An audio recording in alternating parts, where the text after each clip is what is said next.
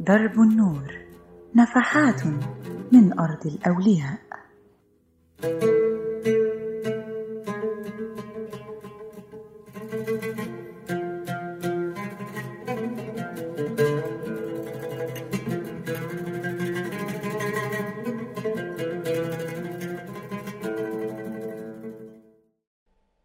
أهلا بيكم في حلقة جديدة من برنامجنا درب النور اللي بنتكلم فيه عن قصص أولياء الله الصالحين في مصر.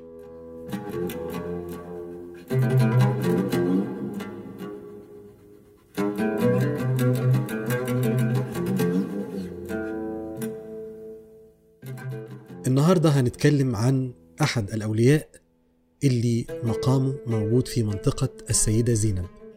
هو القائل الفقراء ما عندهم عصا يضربون بها من أساء الأدب في حقهم وما عندهم إلا تغير خواطرهم. كان ظريف جدا وجميل في بدنه وثيابه والغالب عليه شهود الجمال وهيئة السلاطين وعلشان كده كانت شهرته السلطان.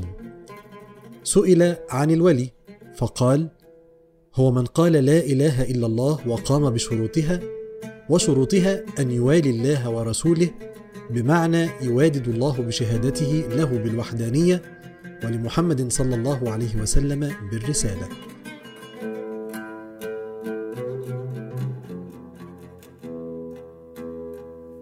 الوالي اللي بنتكلم عنه النهارده ولد يتيم الأب والأم سنة 775 هجرية. حفظ القرآن في الكتاب وبعد كده باع الكتب في السوق. في أحد الأيام مر به رجل فقال له ما للدنيا خلقت. فدخل في الخلوة وكان عنده 14 سنة وظل فيها حوالي سبع سنين قبل أن يخرج إلى الناس ويذيع اسمه وتعرف أحواله. هو شمس الدين محمد الحنفي الملقب بالسلطان. قال عنه سيدنا عبد الوهاب الشعراني كان من أجلاء مشايخ مصر وسادات العارفين صاحب الكرامات الظاهرة والأفعال الفاخرة والأحوال الخارقة والمقامات السنية والهمم العلية صاحب الفتح المؤنق والكشف المخرق والتصدر في بواطن القدس والرقي في معارج المعارف. ممكن يكون الكلام كبير شوية ولكن هي دي الطريقة اللي وصف بيها عبد الوهاب الشعراني شيخه شمس الدين الحنفي اللي كمل فيها وقال كان له الباع الطويل في التصريف النافذ واليد البيضاء في أحكام الولاية والقدم الراسخ في درجات النهاية والطود السامي في الثبات والتمكين وهو أحد من ملك أسراره وقهر أحواله وغلب على أمره وهو أحد أركان هذه الطريق وصدور أوتادها وأكابر أئمتها وأعيان علمائها علما وعملا وحالا وقالا وزهدا وتحقيقا ومهابه وهو أحد من أظهره الله تعالى إلى الوجود وصرفه في الكون ومكنه في الأحوال وأنطقه بالمغيبات وخرق له العوائد وقلب له الأعيان وأظهر على يديه العجائب وأجرى على لسانه الفوائد ونصبه فدوة للطالبين. يا من خص أحمد واصطفاه واصطفاه وأعطاه الرسالة والكتاب.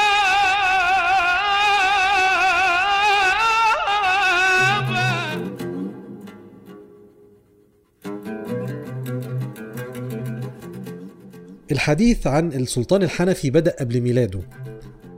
وكان ابن عطاء الله السكندري نقل عن أبي العباس المرسي عن القطب الصوفي الكبير أبي الحسن الشاذلي أنه كان يقول سيظهر بمصر رجل يعرف بمحمد الحنفي يكون فاتحا لهذا البيت ويشتهر في زمانه ويكون له شأن عظيم. وفي رواية تانية برضو بينسب إلى آه، أبي الحسن الشاذلي أنه قال يظهر بمصر شاب يعرف بالشاب التائب. حنفي المذهب اسمه محمد بن حسن وعلى خده الأيمن خال وهو أبيض اللون مشرب بحمرة وفي عينيه حور ويربى يتيما فقيرا. وقال عنه كمان الحنفي خامس خليفة من بعدي.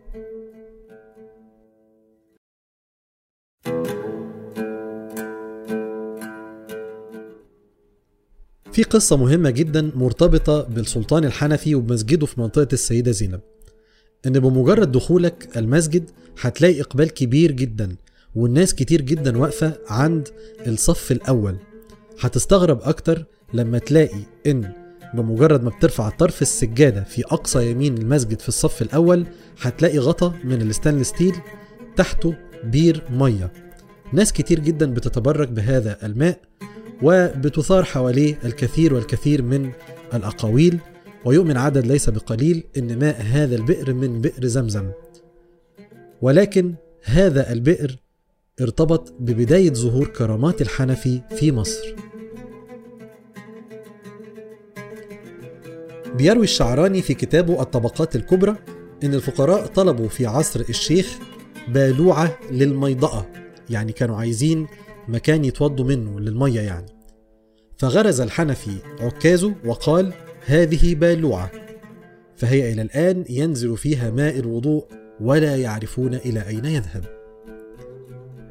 على الرغم من الزهد وبساطة المأكل والملبس دي كانت سمة آه، غالبة جدا فيما يتعلق بالأولياء وأحوالهم إلا أن الحنفي بيقول عنه شيخ الإسلام العيني والله ما سمعنا ولا رأينا فيما حويناه من كتبنا وكتب غيرنا ولا فيما اطلعنا عليه من أخبار الشيوخ والعباد والأستاذين بعد الصحابة إلى يومنا هذا أن أحدا أعطي من العز والرفعة والكلمة النافذة والشفاعة المقبولة عند الملوك والأمراء وأرباب الدولة والوزراء عند من يعرفه ومن لا يعرفه مثل ما أعطي الشيخ سيدي شمس الدين الحنفي. في برضه واقعة شهيرة جدا حصلت تتعلق بمهابة السلطان شمس الدين الحنفي. أرسل إليه الأمير بيسق شكارة فضة فصار يأخذ منها ويرمي للناس حتى نفدت. وبلغ هذا الأمر للأمير بيسق فجاء إلى الشيخ وقبل يديه وقال له قم إلى هذا البئر فاملأ منه هذه الفسقية للوضوء فيصير ثواب ذلك في صحيفتك إلى يوم القيامة. الأمير خلع ثيابه وملأ دلو فعلا ولقاه تقيل قوي وبص جواه فلقاه ذهب. وأخبر الشيخ فقال له صبه في البئر واملأ وكررها ثلاثا. ثم قال له الحنفي قل للبئر ما لنا حاجة إلا بالماء. فهم الأمير الرسالة. يعني دي كانت بتقال في سياق آه، زهده وأنه لا يرغب في المال أبدا. ومن يزري بما فيها سواك يا خالق الدنيا وباريها. النفس تشكو ومن يدري بما فيها سواك يا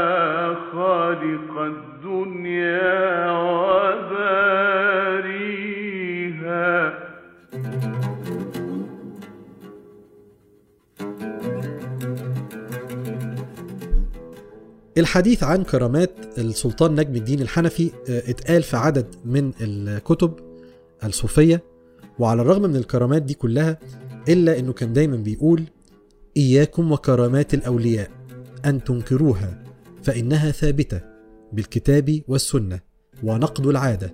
على سبيل الكرامة لأهل الولاية جائز عند أهل السنة والجماعة. لما جاله الشيخ جلال الدين البلقيني وسمع تفسيره للقرآن قال والله لقد طلعت أربعين تفسيرا للقرآن ما رأيت فيها شيئا من هذه الفوائد التي ذكرها سيدي الشيخ محمد. وكان الحنفي نفسه يقول رحم الله من ساعد شيخه على نفسه. ابنه إسماعيل بيقول عنه أقام الشيخ في درجة القطبانية 46 سنة وثلاثة أشهر وأياما وهو قطب الغوث الفرد الجامع. وكان أهل الروم يكتبون اسمه على أبواب بيوتهم ويتبركون به. بيروى عنه أنه إذا لم يجد ما ينفقه كان بيقترض من أصحابه ويوفيهم إذا فتح الله تعالى عليه بشيء. بيقول الشعراني في هذا الموضوع اجتمع عليه ستون ألفا فشق ذلك على الشيخ فدخل عليه رجل بكيس عظيم وقال من له على الشيخ دين فليحضر. فأوفى عن الشيخ جميع ما كان عليه ولم يعرف ذلك الرجل أحد من الحاضرين. فقالوا للشيخ عنه فقال هذا صيرفي القدرة أرسله الله تعالى يوفي عنا ديننا.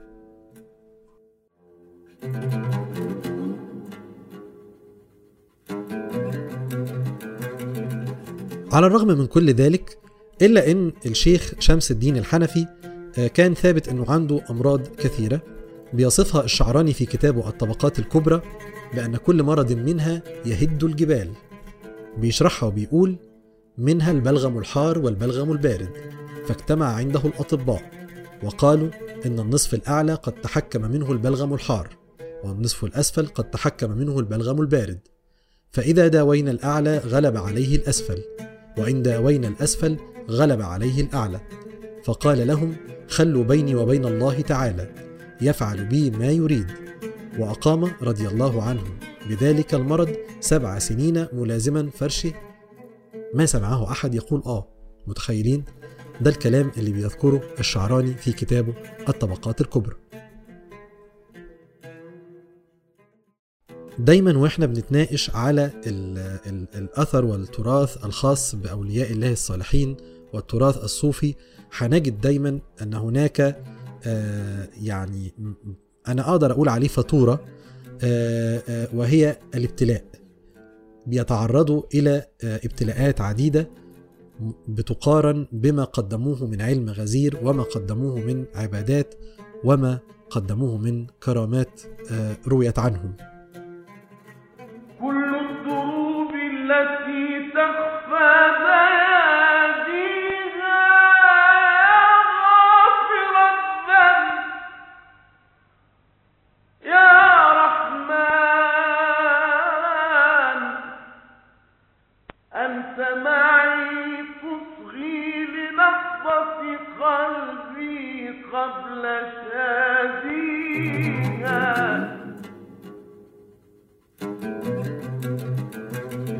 ولكن على الرغم من الابتلاء إلا أنه لم يقصر أبدا في حق الله وعبادته. ويروى عنه أنه لم يطلب رفع البلاء وإنما طلب بلاء آخر.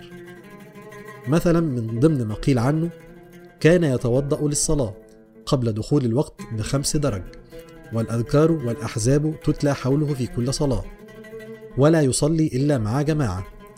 ولما دنت وفاته بأيام كان لا يغفل عن البكاء ليلا ولا نهارا. وغلب عليه الذلة والمسكنة والخضوع. حتى سأل الله تعالى قبل موته أن يبتليه بالقمل والنوم مع الكلاب والموت على قارعة الطريق. وحصل له ذلك قبل موته. فتزيد عليه القمل حتى صار يمشي على فراشه. ودخل له كلب فنام معه على الفراش ليلتين. ومات على طرف حوشه والناس يمرون عليه في الشوارع.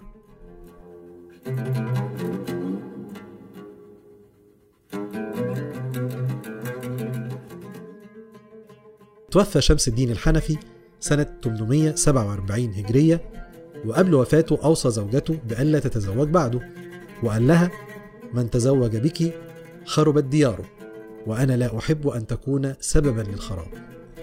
دفن في مسجده بمنطقة السيدة زينب وظل ينفع الناس حتى بعد موته لأن مثلا حضروا شيخ الإسلام البلقيني وشيخ الإسلام وشيخ الإسلام العيني الحنفي وشيخ الإسلام البسيطي المالكي وقبلوا الشيخ سراج الدين البلقيني بين عينيه وقال له أنت تعيش زمانا طويلا لأن الله تعالى يقول وأما ما ينفع الناس فيمكث في الأرض.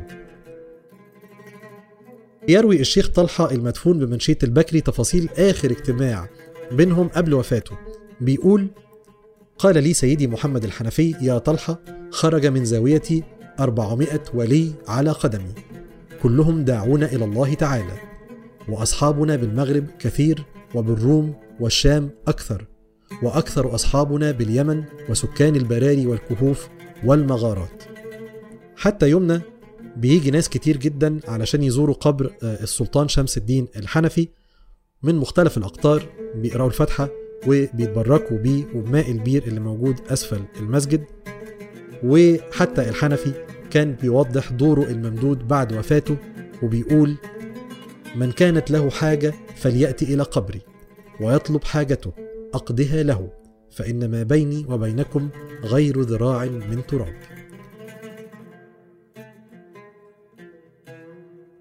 بكده بتكون خلصت حلقتنا النهارده من سلسلة درب النور اللي اتكلمنا فيها عن السلطان شمس الدين الحنفي نلتقي في حلقة تانية بكرة.